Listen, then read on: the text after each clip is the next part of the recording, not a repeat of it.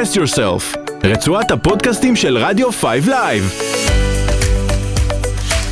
צהריים טובים, אתם על רצועת הפודקאסטים של רדיו 5 Live, אני איילת גלעד, מאמנת ומלווה תהליכים אישיים וזוגיים. והיום אני נרגשת לארח את אה, גלית צבי ברסוק, מי ששימשה כאם פונדקאית פעמיים, והפכה זוג לזוג הורים מאושר פלוס שניים. ואורלי אלפרין, אשת מדע וחוקרת את תחום טכנולוגיות הפריון ומדינה, שתתרום לנו מעט מהידע שלה בתחום הכל כך מעניין הזה. היי אורלי. היי גלית. אהלן. מה שלומכן? יופי, מהמם. אז אה, גלית, בואי אה, נתחיל איתך. נשמע קצת על, אה, עלייך, על מה בכלל הביא אותך למקום הזה של אה, לחשוב על פונדקאות. איך עברתם את התהליך כמשפחה? יש לך ילדים? כן. אה, אז אכן, אני נשואה עם שני ילדים. אה, תהליך הפונדקאות, כל נושא הפונדקאות בעצם נכנס לי לראש אה, אי שם בשנת אה, 98. אה, אני זוכרת את עצמי יושבת על המדרגות ממול, ממול הכיתה, כיתה י"א, ואנחנו שש חברות כאלה צמודות, ואנחנו קוראות כתבה בעיתון על לידת הפונדקאות של תאומים ראשונה בארץ. אה, ואני... זה עוד לפני שאת בכלל נשואה עם ילדים? בלי בכלל? כלום, כן, אוקיי. כן, שלב מאוד מאוד אה, מוקדם, צעיר. מאוד צעיר. וזה נחקק, ואני אומרת לחברות כבר אז, אה, זה משהו שעוד אני אעשה. וזה מלווה אותי לאורך החיים, והחברים הקרובים יודעים ושומעים ומכירים היטב. ולשמחתי, אני מכירה את איתן, בן זוגי המדהים, ושבזכותו הכל אפשרי. אה, והוא באמת, אה, כשאנחנו מכירים, אז אה, כבר בדייט השני אני מספרת לו על החלום הזה, אה, והוא עונה לי בצורה מאוד אה, חלקה וברורה, קודם שלנו, אחר כך לאחרים. אוקיי. אה, אבל עצם זה שהוא עונה לי ככה, אז אני מבינה שיש לי פרטנר שיכול לצאת איתי לדרך, שהיא דרך לא פשוטה, אבל מאוד חשובה לי באופן אישי. אז בואי נחשוב אה, באמת, אה, התחתנתם, הקמתם בית, שני ילדים. נכון. אז התחלנו את, ה, את הקמת המשפחה בגיל יחסית מאוחר, שנינו. אה, לא התחלנו את זה כל כך מוקדם. אה, ואת נעמה אנחנו יולדים ב-2013, אה, ואנחנו קצת יותר מאיצים את הלידה של אלון, כי אנחנו מבינים שבעצם אני מוגבלת בגיל. כדי, בזמנו, כשיצאנו לתהליך, הבנו שפונדקאית במדינת ישראל יכולה להיות עד גיל, לחתום בוועדה עד גיל 38. אוקיי. אה, ולא יום לאחר מכן. אה, ואנחנו מריצים את התסריטים הגרועים בראש ומבינים שאנחנו צריכים להזדרז אם אנחנו רוצים קודם את שלנו. אה, ואז אני באמת, אנחנו מזרזים את הסיפור ואנחנו נכנסים להיריון פרטי נוסף. וחודש אחרי הלידה של אלון, אני מתחילה לחקור וואו. מה זה אומר להיות פונדקאית. ו... וככה בעצם יוצאים לדרך. במדינת ישראל עושים גוגל להבין מה זה אומר להיות פונדקאית, ואני בודקת את הקריטריונים אה, אה, קצת יותר לעומק עכשיו. אה, ואני רואה, עונה על השאלונים, ורואה שבאמת אני יכולה להיות פונדקאית, טפו טפו טפו, ההריונות שלי היו תקינים, הלידות היו תקינות. ואני מבינה שאני צריכה להמתין שנה מהלידה. אה, אוקיי. ניתן לחתום בוועדה רק שנה אחרי שסיימתי לידה האחרונה. ואני מתחילה לברר איך אני עושה את זה בצורה הטובה ביותר. מול איזה גורמים את מבררת? איזה מרכזי מידע יש כדי לקבל באמת... אה, אז אה, אני מתחילה לחקור על אה, באיזה דרכים ניתן, ואני מבינה שיש בעצם שלוש דרכים שקיימות היום במדינת ישראל כדי לעשות תהליך פונדקאות. הראשונה היא באופן עצמאי, בעצם ללכת, לפרסם בעצם שאני מעוניינת להיות פונדקאית, אם זה, היום זה בפייסבוק, בעבר זה היה בפורומים כאלה של תפוז וכאלה. אה, אבל אה, אה, כותבת בפייסבוק או, אה, ומפרסמת את, אה, את הרצון להיות פונדקאית, ובעצם מחפשת שידוך באופן עצמאי. האפשרות הנוספת היא בעצם ללכת דרך מרכז תיווך, שמרכז תיווך בעצם עושה את ה-matchmaking, אה, את השידוך עם הורים מיועדים. והאפשרות השלישית היא בעצם דרך מלווי תהליך.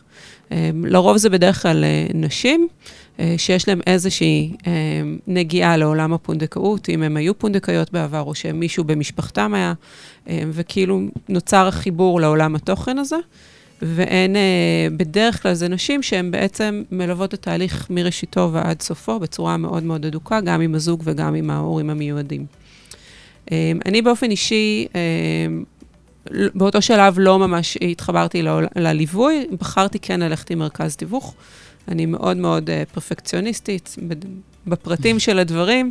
הייתי צריכה uh, מישהו שישקיט את נפשי, uh, גם שיעשה לי קצת פילטור. Uh, לא הייתי מסוגלת לחשוב על סצנריו שבעצם אני יושבת בבית קפה עם זוג, שמספר לי את כל תלאות חייהם ואיך הם מנסים להביא ילד לעולם, ובשורה התחתונה... אין כימיה. אני לא מרגישה שיש שם כימיה, ואני צריכה להגיד להם, אני מצטערת, אני לא יוצאת איתכם לתהליך. אה, ודרך מרכז תיווך בעצם, וגם מלווה תהליך כדרך אגב, יש להם, קודם כל יש להם בנק של פונדקאיות ובנק של הורים מיועדים. הם קוראים את האבחונים, אה, גם של הפונדקאית וגם אה, של ההורים המיועדים, ואבחונים של, הפ... אני לא יודעת מה בדיוק ההורים המיועדים עוברים, אבל אני יכולה להעיד על עצמי שהאבחון שלי ארך איזה ארבע שעות. וואו. מאוד מעמיק. בן הזוג שלי עובר אבחון של שעה. Uh, כן. את האבחון עשית עוד לפני כמה. שהיה זוג בתמונה? כמובן, כן, כן. Um, אני עוברת בעצם אבחון מאוד מאוד מעמיק, גם הם עוברים במקביל. ככה כאילו... בעצם מרכז התיווך עושה את המאץ'. בדיוק, הם קוראים את האבחונים של שניהם. עכשיו, השאלה אם, תראי, המאץ' הוא בעיניהם, זאת אומרת, נכון. בהתאם לאבחונים, ואז את בעצם נפגשת עם הזוג? כן, המרכז תיווך בעצם עושה, אחרי שהם נותנים לי לקרוא את האבחון שלהם, ולהם לקרוא את האבחון שלי. אוקיי. Okay. הכל נמצא על השולחן. אנחנו בעצם נפגשים לפגישת תיאום ציפיות. עוברים על הדברים, ולמרכז תיווך... אני מגיע, כמובן. אוקיי. איתן. בכל התהליך בין רגע ו... כן. אוקיי. בכל רגע, בכל דקה. אוקיי. Okay. אנחנו שנינו יושבים שם ביחד עם שניהם, ובעצם למרכז תיווך יש צ'קליסט כזה שהם בנו מראש. אוקיי. והן עוברות בעצם אה, על כל ההיבטים שיכולים להגיע לאיזשהו מצב של קונפליקט. סוגיות שבעצם צריכים לסגור אותן מראש ולהבין מי הפרטנרים שלנו לתהליך הזה. וזו בעצם הדרך שלהם לעזור לנו להכיר אחד את השני ולראות אם באמת אם יש כימיה אה, באוויר. אה, ולכן אני באופן אישי כן מאוד ממליצה על מרכז תיווך. אצלכם אה, זו הייתה אהבה ממבט ראשון? אצלנו זאת הייתה אהבה ממבט ראשון. Okay. אוקיי. כבר בשלב הקריאה של האבחון 아, שקיבלתי עוד לקרוא, לפני שנפגשת. הרגשתי שזה meant to be. אה, אה, ולשמחתי הרבה, באמת אחרי הפגישה פנים אל פנים, היה לנו מאוד ברור ש, שאנחנו נצעד ביחד. אמ, אבל חשוב להבין שגם אה, אה, מעבר לשיח, כאילו ברמת המרכז אה, שמלווה, או המלוות תהליך, חשוב שהפונדקאית גם תשוחח עם פונדקאיות אחרות. תכיר את ההשלכות, תבין את ההיבטים השונים, את הדקויות. קפצתי לסוף, כי אנחנו נדבר על... לא, הכל טוב, אנחנו נדבר על הטיפים, ובאמת okay. מה אוקיי. חשוב שפונדקאיות, מהניסיון שלך, ידעו אם מישהי חושבת באמת אה, לעבור דבר כזה. קודם כל, אם כולן מתאימות, ואם לא, אז על מה באמת חשוב לשים את הדגישים, אנחנו נגיע לזה. אז בואי נגיד ש... אה, בואי נמשיך בעצם עם, ה, עם התהליך. Mm-hmm. נכנס להיריון. טפו טפו טפו, בהיריון הראשון אה, אה, הדברים הלכו ממש אה, by the book. אה, ממש עשרה חודשים אחרי שחתמנו בוועדה, נולד התינוקי, וואו. כן, אה, תות, כפי שהילדים שלי קראו לו כשהוא היה בבטן. אה, אז באמת התהליך הראשון היה ממש by the book והיה מדהים. איך את מתווכת את זה לילדים באמת? וואי. אז אם יש שתי סוגיות שהטרידו אותי מאוד בתהליך, זה אחד זה ההיבט הכספי. אה, שבמדינת ישראל אה, לא ניתן לעשות פונדקאות אלטרואיסטית, נכון. וטפו טפו טפו, אנחנו לא צריכים את הכסף. אז היה לי מאוד קשה עם הסוגיה הזאת, והייתי צריכה לפתור אותה, וירדתי לדקות הזו עם פונדקאיות אחרות, כדי להבין איך אני משקיטה את נפשי. וסוגיה השנייה הייתה באמת הנושא של הילדים, אה, ואיך אני מטווחת את זה, וזה מאוד מאוד הטריד אותי. וכבר באבחון הפסיכולוגי התייעצתי על זה עם, עם הפסיכולוגית שאבחנה אותי, mm-hmm. והיא נתנה לי כמה טיפים, ולאחר מכן שוחחתי על זה עם פונדקאיות נוספות, לראות מה הן עשו. והתיווך מגיע עם אנלוגיות, כי הילדים מאוד צריכים את השחור לבן מול העיניים. כן. אז uh, התיווך מגיע מלספר להם סיפורים כמו אה, השכנה שהולכת בעצם לצרכניה במושב, רוכשת מוצרים כדי לאפות עוגה, מגיעה הביתה, מכינה את העוגה, באה להכניס את העוגה לתנור, והתנור לא עובד. אז היא באה אלינו הביתה ומביאה לנו בעצם את העוגה לשים בתנור, ומבקשת שנאפה לה אותה בתנור שלנו. אה, אז אה, אנחנו מסיימים לאפות לה את העוגה, ואני שואלת את הבת, הבת, בשל... נעמה בשלב הזה בת חמש. אלון עדיין לא מבין, הוא בסך הכל בן כן. שנה וקצת. אז אני שואלת את נעמה, העוגה הזו היא שלנו או של השכנה? אז היא אומרת לי, היא של השכנה. זה מאוד ברור, שחור לבן. וככה אני ממשיכה עם כל מיני אנלוגיות, עם uh, כביסה במכונת כביסה, או עם עוף בתנור, uh, מצרכים במקרר. הרגשת שזה הוטמע, שזה הובן? כן, אז אחרי שבועיים כאלה שאני מכניסה את האנלוגיות, uh, אני מגיעה לסיפור האמיתי. ואני אומרת לה שיש לנו זוג חברים שלצערי לא יכולים לשאת הריון, והם נורא נורא רוצים ילדים, כמו שלנו יש. ואנחנו רוצים לעזור להם, ושאנחנו, שאני אשא את התינוק שלהם בבטן. ונעמה מסתכלת עליי ואומרת לי, ואני שואלת אותה אם היא מסכימה שנעשה את זה. אז היא אומרת לי, לא, אני לא וואו. מסכימה. שאלה בעייתית, לא היית צריכה להיכנס לשם. בעיקר כשאני כבר בחודש רביעי. כן. אה, ואני מסבירה לה שלפעמים אנחנו בוחרים אחרת ממה שהילדים רוצים. וזה נכנס לאיזשהו מקום קצת מסחרר עבור נעמה, זו הייתה תקופה קשה לנעמה, הרבה אגרסיות שיצאו. אה, ובשלב הזה אני, בהתאם לשיחת תיאום ציפיות אה, שהייתה בתחילת התהליך, אני מזמינה בעצם את ההורים המיועדים אלינו, אה, והם נפגשים בעצם עם נעמה mm. ועם אלון, והופכים את התהליך הזה למשהו שהוא יותר קונקרטי, שנעמה תבין לאן הולך הילד. היא גם רואה בדיוק פנים, וזה כבר לא משהו שהוא... כן, שלא יישאר אצלנו בעצם. היא צריכה להבין לאן הילד כן. הולך. אה, עכשיו, כל התהליך עצמו, העניין של ליווי ל, לרופאים, אה, לבדיקות, אה, כן. הם תמיד איתכם? לגמרי, זה הריון שלהם. שוב, זו בחירה של הפונדקאית, כי בסופו של יום יש פה המון היבטים אינטימיים, ורופאים גינקולוגיים זה לא מה בכך. כן. כן. אז כעיקרון, ההצהרה היא שגופה של הפונדקאית הוא שלה. ולכן עושים בתהליך הזה את מה שנעים לה. ואם היא בוחרת שהם לא יהיו בתוך החדר, אז היא תבחר שהם לא יהיו בחדר. הבנתי. הם יהיו מעבר לפרגוד, הם יהיו מעבר לדלת, ייכנסו ברגע שהבדיקה הפיזית תסתיים. זו בחירתה של הפונדקאית. לי באופן אישי היה מאוד חשוב שהם יהיו חלק אינטגרטיבי לגמרי מהתהליך, גם מאוד רציתי שהם יהיו נוכחים בלידה. זהו, רציתי לשאול על יום הלידה. סיפור בפני עצמו. אז בואי באמת אבל... נקדם את זה ליום הלידה, okay. כי זה אוקיי. באמת uh, מסקרן. אוקיי, okay. uh, זה סיפור ארוך. Uh, מאוד רציתי uh, שהם יהיו נוכחים בלידה. Uh, הלידה תוכננה להיות בתל השומר מהמון סיבות, uh, ואנחנו גרים בצפון. uh, ובאותו הבוקר, סיפור ארוך של לילה שלם, באותו בוקר אני uh, uh, מגיעה למצב שאני מרגישה שיש לי ירידת מים, mm-hmm. כאילו, יש ירידת מים. אמ, אני, בעלי לא נמצא, הוא במרכז. אה, חמו, אני מקפיצה את חמותי לסייע עם הילדים בבית, ואני אה, יוצאת לדרכי לכיוון תל השומר. אה, ובדרך מתחילים להתפתח צירים, עוד לא דרמטיים, אבל סביר, ואני נוסעת לשם, ושם בעצם אומרים לי ש... ש... לא ממש רואים uh, בריחת uh, מים, ושייתכן שזאת הייתה בריחת שתן, סליחה על ההתבטאות. הכל בסדר, אנחנו בסדר. Uh, ובעצם אומרים לי שזה יכול להת... להימשך ככה עוד יומיים, ובעצם משחררים אותי הביתה. ואיפה ההורים המיועדים? הם איתנו, הם איתנו לגמרי. Um, ובשלב הזה בעלי אומר לי, איתן אומר לי, uh, בואי נישאר uh, בתל אביב, את יודעת, את מכירה את הגוף שלך, בואי נישאר בתל אביב, ככה uh, הם יוכלו להיות בלידה, הכל יהיה תקין, ואנחנו חוזרים, אני אומרת לו, אלון הקטן שלנו היה חולה מאוד, באותו יום אה, לא הסכים לאכול וכו', אמרתי לו, אני לא יכולה, זה הילד שלי, קודם כל הוא. ואנחנו חוזרים צפונה, ובדרך מתפתחים הצירים קצת יותר.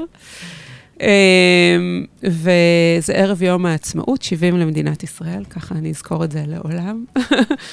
אה, ואני משחררת את אה, בתנו ללכת עם החמים שלי לחגיגות יום העצמאות, ובאמצע הלילה אני מתעוררת לציר אה, שאומר לי, הנה מגיע.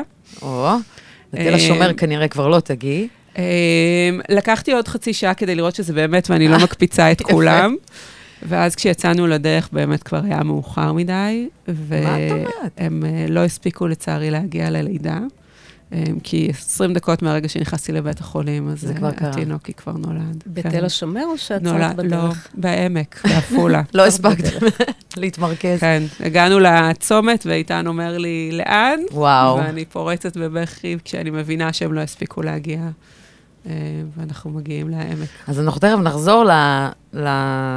לחוויה הזאת של עכשיו שהם מגיעים באמת, והמסירה אה, של הילד והכל. אבל אורלי, אני רוצה לשאול אותך בנוגע אה, באמת לכל העולם הזה של פונדקאות, כי זה משהו שהוא יחסית חדש בארץ, הוא מוגבל גם בהמון אה, מקומות אצלנו, אז בואי נדבר שנייה קצת על הרקע ההיסטורי, של מאיפה הפונדקאות התחילה ואיך... תראה, פונדקאות היא קיימת כבר בתנ"ך. אוקיי. פונדקאות אה, חלקית קיימת גם בת, כבר בתנ"ך. יש את זה אצל אה, רחל אימנו, ויש את זה אצל שרה אימנו. שפונדקאות מדובר בתנ"ך, או בפונדקאות חלקית, במצבים שאישה שאינה יכולה ללדת, אה, מאפשרת לאישה אחרת להיות לשאת. בהיריון עבורה. Mm-hmm. בניגוד לאימוץ שאת uh, מאמצת תינוק שילדה אישה אחרת שלא במעורבות שלך, פה מדובר בתינוק שאישה אחרת הרתה למענך. אוקיי. פונדקאות מלאה, שזאת הפונדקאות היחידית שחוקית בישראל, היא פונדקאות שניתנת לביצוע רק ב-IVF, רק בהפריית מהמם. מבחנה. כי לוקחים ביצית שאינה ביצית של האישה שיולדת את התינוק, וזרע שיכול להיות של בן זוגה או של מישהו אחר, ומייצרים עובר שלא שייך גנטית ל- לאישה הנושאת. אוקיי. עכשיו, אה, בישראל חוקית רק פונדקאות מלאה, זאת אומרת פונדקאות ש- כאשר אין קשר גנטי בין ה- מי שיולדת את התינוק לבין מי שנתנה את המטען הגנטי שלו, אוקיי. ורק פונדקאות מסחרית. זאת אומרת, אה, שאלות כמו, האם בנות זוג לסביות יכולות שאחת תישא את ההיריון עם הביצית של השנייה, זאת אופציה שלא אפשרית כן. במדינת ישראל. בישראל אה, אפשר לעשות פונדקאות רק מסחרית, רק כזאת שמאושרת פרטנית. כל מקרה ומקרה מאושר על ידי ועדה ייעודית של משרד הבריאות. יש חוק פונדקאות במדינת ישראל, שזה משהו שלפי מיטב ידיעתי לא קיים בשום מקום אחר בעולם. אוקיי. מדברת מהר מדי? לא, ה- ה- כן. הבוקסים.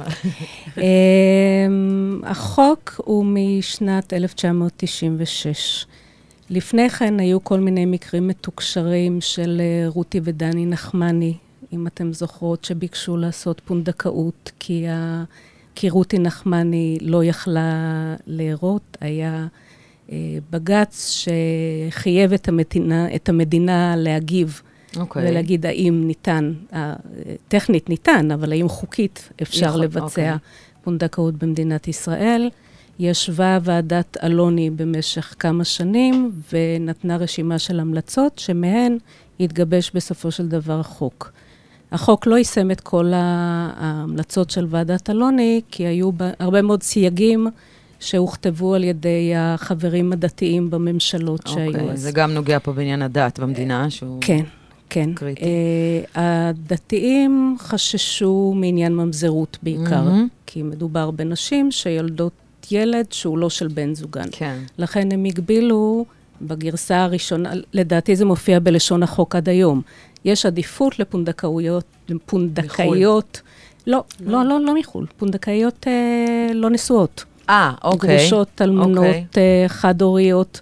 מצד אחד זה חייבת להיות מישהי שילדה כבר בעבר, מהמם. כי לא מוכנים ש, שמישהי שאין לה ילדים ראשון. משלה, או אפילו מישהי שהיו לה ילדים שהורחקו ממנה, אוקיי. תלד ל- למען מישהי אחרת. אמ, אבל זה היה ממש מקרה קצה, זאת אומרת, היה משהו ש, ש, שהיה מאוד נקודתי. היה מתי זה הפך נקודתי, להיות? היו 50 זוגות עם עורך דין שרצו אישור לעשות פונדקאות בישראל. Mm-hmm. אמ, חשבו, העריכו את המ- את המספר של האנשים, של הפונים בעשרות בודדות של זוגות. אה, בסופו של דבר, אה, למרות הד- ההתנגדות הדתית, אה, עבר חוק הפונדקאות בכנסת, במידה רבה בגלל הלך רוח שהיה בישראל בשנת 96 אחרי רצח רבין. אוקיי. היו תנועות כמו צו פיוס, והייתה הרבה מודעות לפערים שנפתחים בין הציבור הדתי והציבור החילוני בישראל. הייתה אווירת והיה- peace and love. כן, כן, היה אה, הרב עמיטל, מהמם. היה דתי, אבל חבר בממשלת פרס, והוא עשה את עבודת התיווך בין הזרמים השונים. בסופו של דבר עבר החוק, כאשר בהתחלה זה בפירוש היה מוגבל לבני זוג שהם גבר ואישה, לא חייבים להיות נשואים, אבל חייבים להיות גבר ואישה. אוקיי. אה, פונדקאית שאינה נשואה. אה, ואישור פרטני של הוועדה לכל מקרה ומקרה. עכשיו, הבעיות נובעות מכך שהסכם פונדקאות בישראל חייב להיות הסכם מסחרי. כן, כמו שגלית ציינה, שאין כן, פה עניין אה, אה, אלטרואיסטי. אי אפשר לעשות את זה בהסכם אלטרואיסטי. הוועדה גם מאשרת כל זוג שפונה, או כל, היום כבר כל יחיד שפונה, האם הוא יכול להעביר, לעבור את התהליך, אוקיי. וגם כל אה, פונדקאית שמעוניינת לעשות פונדקאות, אה, בודקים את הפרופיל הפסיכולוגי שלה ואת ההתאמה שלה לתהליך. אפרופו, סליחה שאני קוטעת לך, מבחינת אה, מי שיכול לפנות, איזה מגבלות יש? אני היום כגבר, בן 50, שמעוניין בפונדקאית כי אין לי בת זוג ואין לי ילדים, את יכולה לפנות. יכולה עד גיל- לפנות? עד גיל 54 למיטב 54. זיכרוני. 54, זאת אומרת, זה, זה חדש, כן. זאת אוקיי, אומרת, ה- ה- זה שגברים בזוגות וגברים יחידנים יכולים לפנות, כנ"ל לגבי נשים. זה חדש. נשים יחידניות זה כבר מ-2018, אוקיי, ולפני זה רק אה, זוגות שהם גבר ואישה. אוקיי. אמ, עכשיו, אה, כל הליך פונדקאות שמבוצע בישראל דורש אישור של ועדה. בוועדה יש אה, שני רופאי נשים, רופא משפחה, פסיכולוג, עובד סוציאלי, משפטן ואיש דת לפי הדת של, ה... של הצדדים. זו הוועדה שאמונה עליכם גם, מהמם. ב- כן, כן, זאת הוועדה היא הוועדה. ועדה לאישור הסכמים הוועדה. דברים. נשיאת דברים, כן. כן. עכשיו, אה, הוועדה יכולה גם לא לאשר, אבל היא לא בודקת מסוגלות הורית. זה לא מצב של אימוץ, שיש ילד קיים ומנסים לפנות, למצוא לו, למצוא לו משפחה. מדובר על, אה, על הורים או הורה שרוצה, זאת אומרת, מישהו שהוא הורה פוטנציאלי שרוצה לממש את הזכות שלו להורות. כן. המדינה לא מתערבת בזה, זאת אומרת, היא לא בודקת מסוגלות הורית, היא בודקת את היכולת לעבור את התהליך הזה, שהוא תהליך שזה קצת מאוד... תמוה. אה, זאת אומרת, זה נכון שזה לא אימוץ, יט, יש פה תהליך שהוא גם מורכב, הוא מערב גם צד שלישי, שהוא, שזה בכלל מעלה פה את uh, עניין המורכבות, ועדיין זוג uh, שכן אולי באיזשהו מקום צריך, את יודעת מה, אולי זה לא נכון, אולי כי יש פה התערבות של מי מסוגל ומי לא, שזה לא לעניין. אבל יש פה תהליך, uh, ובכל זאת לא מתערבים. את אומרת שמסוגלות הורית לא, לא נבחנת כאן, כמו לא. באימוץ. לא, אוקיי. לא, לא נבחנת. אה, נבחנת יכולת לעמוד בתהליך, שזה גם לא, לא פשוט. לא, השאלה אם נבחנת היכולת שלהם לתמוך בפונדקאית. זו סוגיה בפני עצמה. אני חושבת שכאן נכנס באמת התיאום ציפ... תיאום ציפיות, נכון. שהיום זה נמצא באתר של משרד הבריאות, הטופס של התיאום כן. ציפיות. נראה לי שזה עניין סובייקטיבי, כי כל פונדקאית כנראה צריכה, יש לה איזשהם צרכים שונים, או התמיכה היא תמיכה אחרת, כן, מאחת. לאחת. עכשיו, יש, אה, אה, ב- בלידה של החוק, היו כמה דברים שאת הרישומים שלהם אפשר לראות עד עכשיו. האחד, הנושא המסחרי היה מאוד מאוד קשה לעיכול על ידי ארגוני הנשים. מהמם. היו אה, ארגוני נשים אה, שונים, אה, ויצו ונעמת ושוויון, אה, רשות, דיברו על החפצה ועל אה, קניית... אה, כן, אוקיי. כן, מאוד חששו מזה, ומאוד ניסו לצמצם את המשקל של השיקולים המסחריים, בשביל באמת, מתוך כבוד לאימהות הנושאות. דרך אגב, למה? למה ב- בישראל לא מאפשרים אה, ממקום אלטרואיסטי, אלא רק... כי זה, זה מגן על הפונדקאיות. וגם... בשורה התחתונה זה מגן מגן. על הפונדקאיות. זה מאפשר להן אה, בסופו של יום לנהל תהליך בצורה שהיא אה, אה, אובייקטיבית ונקייה. עכשיו אני מדברת על זה כן. מפרספקטיבה כן. של ההיכרות כבר עם התהליך. אה, שוב, ההסתכלות על המרכיב הכלכלי פה הוא מרכיב של פיצוי. זה לא, זה לא תגמול, זה כן. פיצוי. לגמרי. זה פיצוי על מה שבעצם הפונדקאית והמשפחה שלה חווים בתקופה הזאת. אה, וזה וה- גם, זה ברייק איבן, ואפילו לפעמים אני לא פחות. מסתכלת, אני אפילו לא מסתכלת על המרכיב של... אה, שזה ככסף כסף, אלא... בדיוק, של ההיבט הנפשי מהמם. והטראומה בעצם, שבעצם המשפחה חווה. אה, זה, זה אפילו מדברים מאוד קטנים, כמו העובדה שההורמונים שלי כביכול, ואיך, והשליש הראשון שבקושי מתפקדות ובקושי מסוגלות לעשות משהו, והשליש האחרון שבקושי מסוגלות לעשות משהו, והבן זוג זה שצריך להחזיק את הבית, אבל זה לא ההיריון שלו. נכון. ו- ואמרת טראומה, זו מילה זה- חזקה. זו מילה זה- חזקה. זה סוג של טראומה. התהליך הראשון שלנו עבר על מי מנוחות. טפו טפו טפו היה טוב. התהליך השני שלנו לקח יותר משנתיים מהרגע שחתמנו ועד שנולד הקטן. אה, במקביל אנחנו לקורונה... צריכים לציין שזה אותו זוג. אותו הזוג, כן. אותו הזוג. אה, אוקיי. ילדתי אח צעיר לפונדקון הראשון. אה, הם שני בנים? שני בנים. אה, אוקיי, היה לי כן. בראש בן ובת. אוקיי, אז שני שני בנים. בנים. אה, והתהליך השני היה, היה קשה, אה, היה במקביל לקורונה, אה, עם כל ההשלכות של הקורונה, בידדתי את עצמי ואת הילדים שלי ממגע עם חברים, חברים לא באו אליהם, מעבר לסגרים שהיה obvious, אבל... גם כשכבר היה אפשר, אז אני לא, נזהרת מאוד. חס ושלום, כן. שאני לא אדבק במגפה הזו ומה המשמעות שלה ואיך היא תשפיע על התינוק, ובעלי לא נמצא בבית בעבודה חיונית, ואני עובדת סביב השעון. והזוג בכלל לא יכול להיות מעורב, כי ו- הם נמצאים בבידודים ובסגרים. ובבדיקות הם לא יכולים כן. להיכנס, מהמם. אחד ערך יכול להיכנס בכל בדיקה. אמ, וחיסון קורונה, בואו נדבר על חיסון קורונה. לעשות, לקחת, לא לא. לקחת. אה, מי קובע? אה, באיזה שלב מחליטים לעשות את זה או לא לעשות את זה?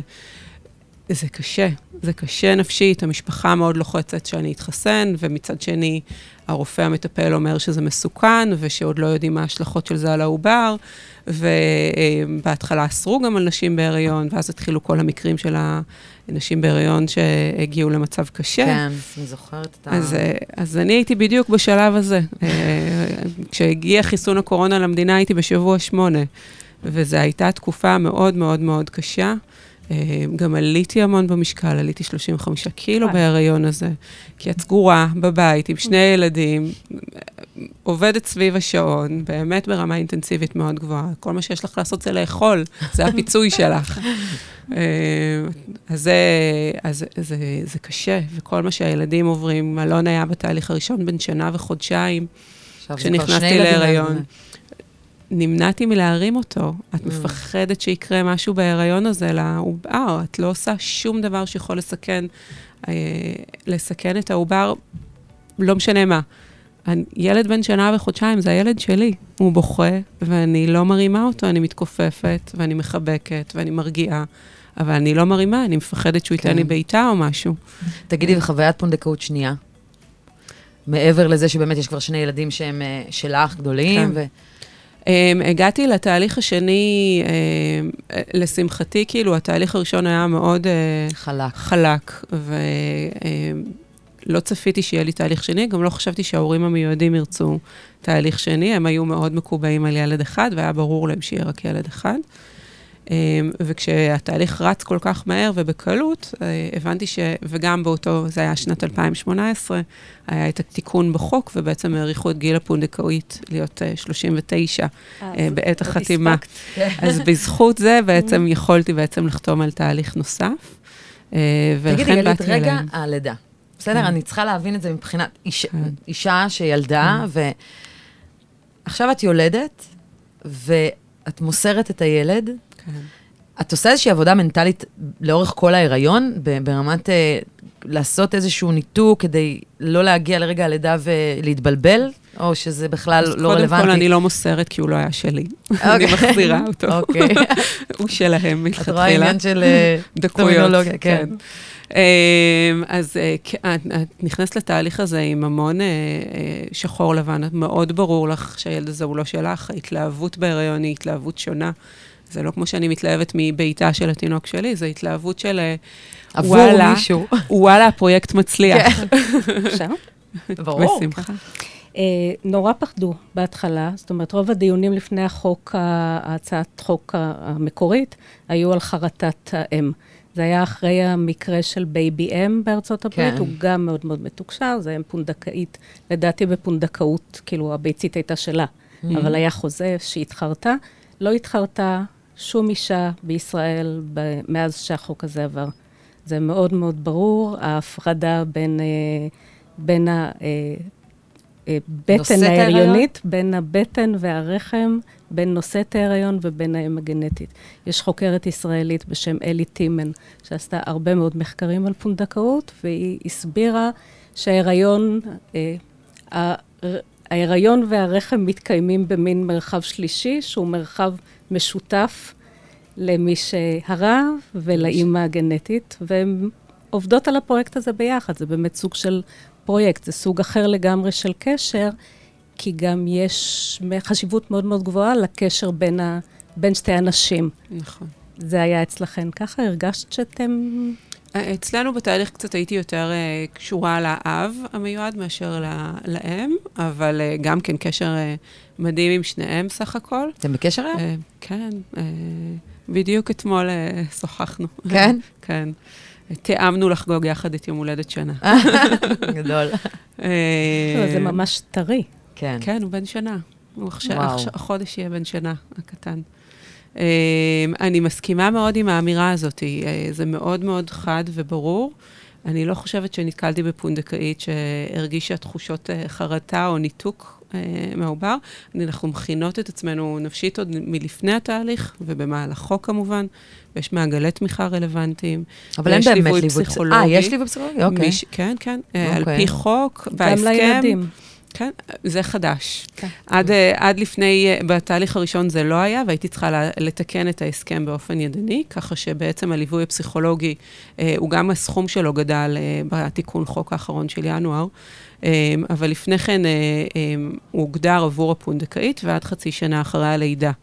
אה, במימון ההורים. אוקיי. ובעצם אה, אני תיקנתי את זה בהסכם, והבנתי שעכשיו בהסכמים החדשים של משרד הבריאות, אז אה, הם גם כן ממליצים על להטמיע את השינוי הזה, וזה עבור כל בני המשפחה, כלומר גם לבן הזוג והילדים, ועד אחרי חצי שנה מסיום התהליך. מדהים. ליווי משפחתי בעצם, שזה... כן, אה, חשוב. כי כולנו צריכים את זה נכון. בעצם. אה, ויש לזה חשיבות יתרה, ואם נתקלתם בעצם בכתבה שהייתה שבוע שעבר, אה, שהייתה אה, מאוד חשובה, אבל חשוב לי להבהיר שהיא הייתה מאוד מאוד אה, אה, מנותבת על אה, מרכז אה, מסוים. ספציפי, שההתנהלות שלו הייתה לא תקינה. אנחנו מדברות על אה, תוכנית התחקירים זמן אה, אמת, נכון. שהייתה לא שומרות בבטן. כן, אז אה, יש המון סיפורים מאוד מאוד חיוביים. פונדקאות בארץ היא אה, מאוד מאוד אה, אה, מבוסתת, מפוקחת, היא מנוהלת בצורה חכמה. כמו שציינתי, יש חוק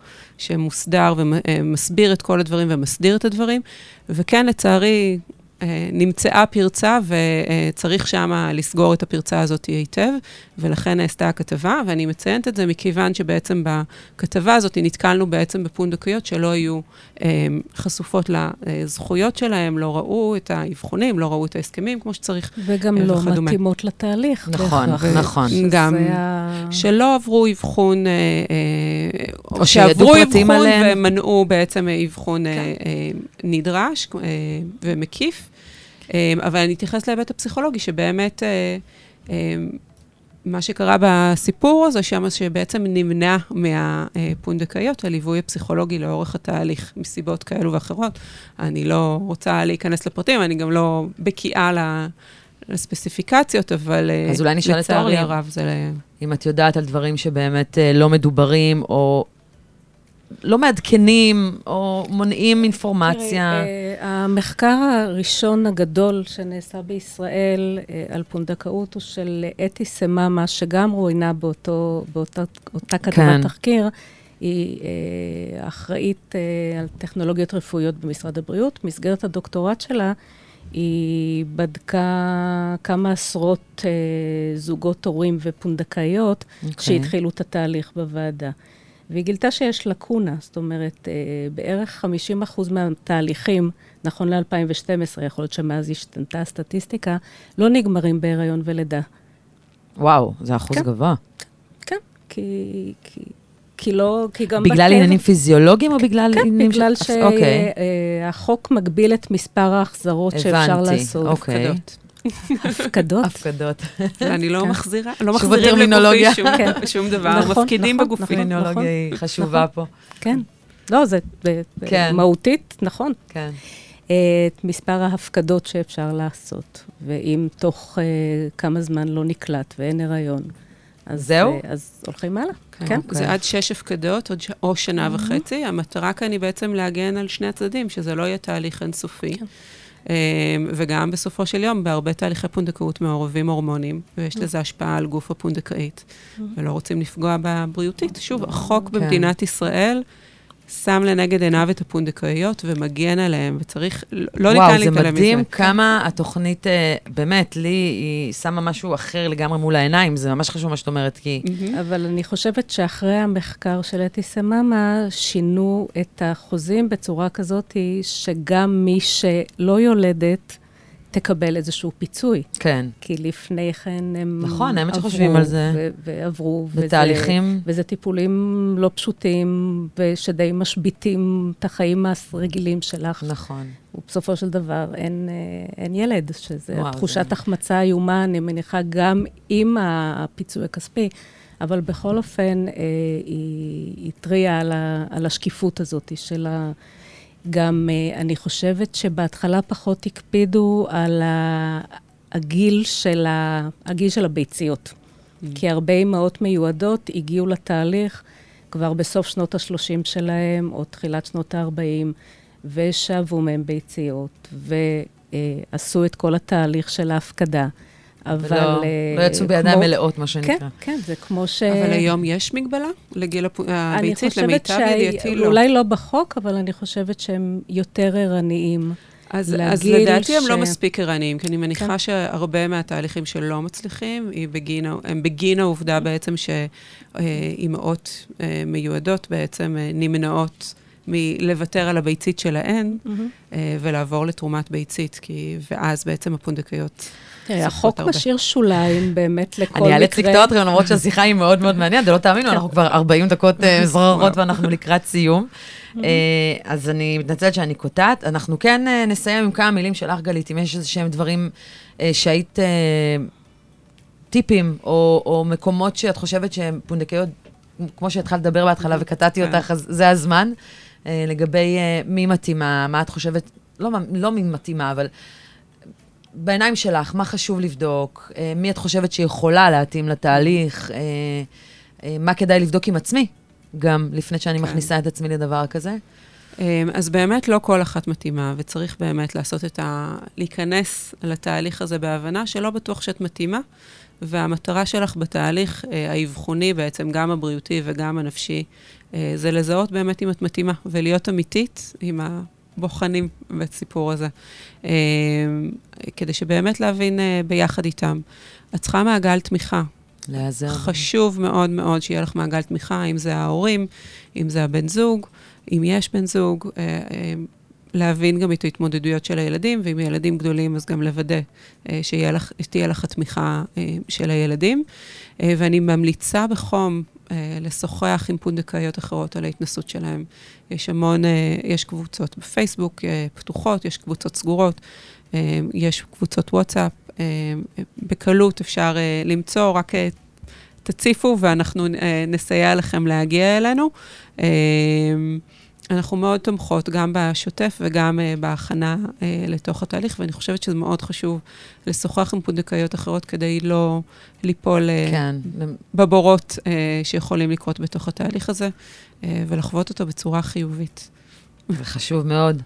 אורלי, כמה מילים שלך לסיום? יש לך משהו שהיית רוצה? כן. קהל הזכאים לפונדקאות מאוד מאוד גדל בשנה האחרונה, מהמם. מרגע שנכנסו גם גברים, נכון. גם יחידנים וגם בזוגות. אה, זה ייצור דרישה הרבה יותר גבוהה לפונדקאות. והחשש העיקרי של, שתמיד היה ברקע להרחבה הזאת, זה שייכנסו אנשים לא מתאימים לתהליך. אוקיי. בגלל שההיצע והביקוש, הפער ביניהם רק ילך ויגדל. אז uh, אני חושבת שכאן המדינה כן כדאי שתתערב ב, עם בקרה יותר הדוקה נכון. על הסוכנויות תיווך. נכון. כי כרגע יוצא- אין שום, uh, שום הכשרה, שום רישוי. הם קצת מנותקים גם, ככה זה הרגיש מהתוכנית, שהם לא באמת פועלים יד ביד. יש שם פערים מאוד גדולים בין אני הוועדה. חושבת שזה מאוד נוח למשרד הבריאות. משרד כנראה. הבריאות אומר שהסוכנויות עושות עבודת קודש, כי הן עושות uh, סינון מאוד מאוד מקצועי, והן uh, עובדות לפי החוק, אבל עדיין זה גופים מסחריים. כן. שכדאי שתהיה איזושהי בקרה בשביל לראות שאנשים לא מתאימים לא ייכנסו לתהליך הזה. ויש סוכנויות ומלווי תהליך שהם נהדרים ומוצלחים ודואגים לאינטרסים של זה- הפונדקאיות, וגם של ההורים. המיועדים, ודואגים לעשות את זה בצורה הכי הומנית ומוסרית. והאינטרס הכלכלי נמצא שם ברקע, כי הם בסופו של דבר צריכים להתפרנס, אבל בשורה התחתונה הם עושים עבודת חסד. קודש, וצריך לה... כן, כן, גם משרד הבריאות אומרים, עבודת קודש, באמת. אז אני אאלץ אה, לסיים כאן. אה, מבאס, אבל אה, סיימנו. אז המון תודה, גלית, המון תודה, אורלי. אני מקווה שמצאתם קצת עניין בעולם הזה, שפקחת עיניים ותרמת, וגם את, אורלי, מהידע שלך. אה, אני בדרך כלל מבקשת אה, לבחור שיר. אם בא לכם לסיים איזה שיר שעולה לכם בראש, או שאנחנו ניתן בת לרועי לי את ה- פתאום. באת לי פתאום? אה, לא הכנת? בוא נראה אם זה יכול לעבוד לנו. בכל מקרה, המון המון תודה גם לכן שהגעתן, תודה למי שהאזין, אה, תודה גדולה, מקווה שנהנתם. אנחנו נשתמע שוב בפרק הפודקאסטים הקרוב של משפחה וזוגיות. שיהיה המשך שבוע טוב. היה לי לעונג, אני למדתי תודה, המון. איילת. תודה רבה, המשך שבוע מהמם.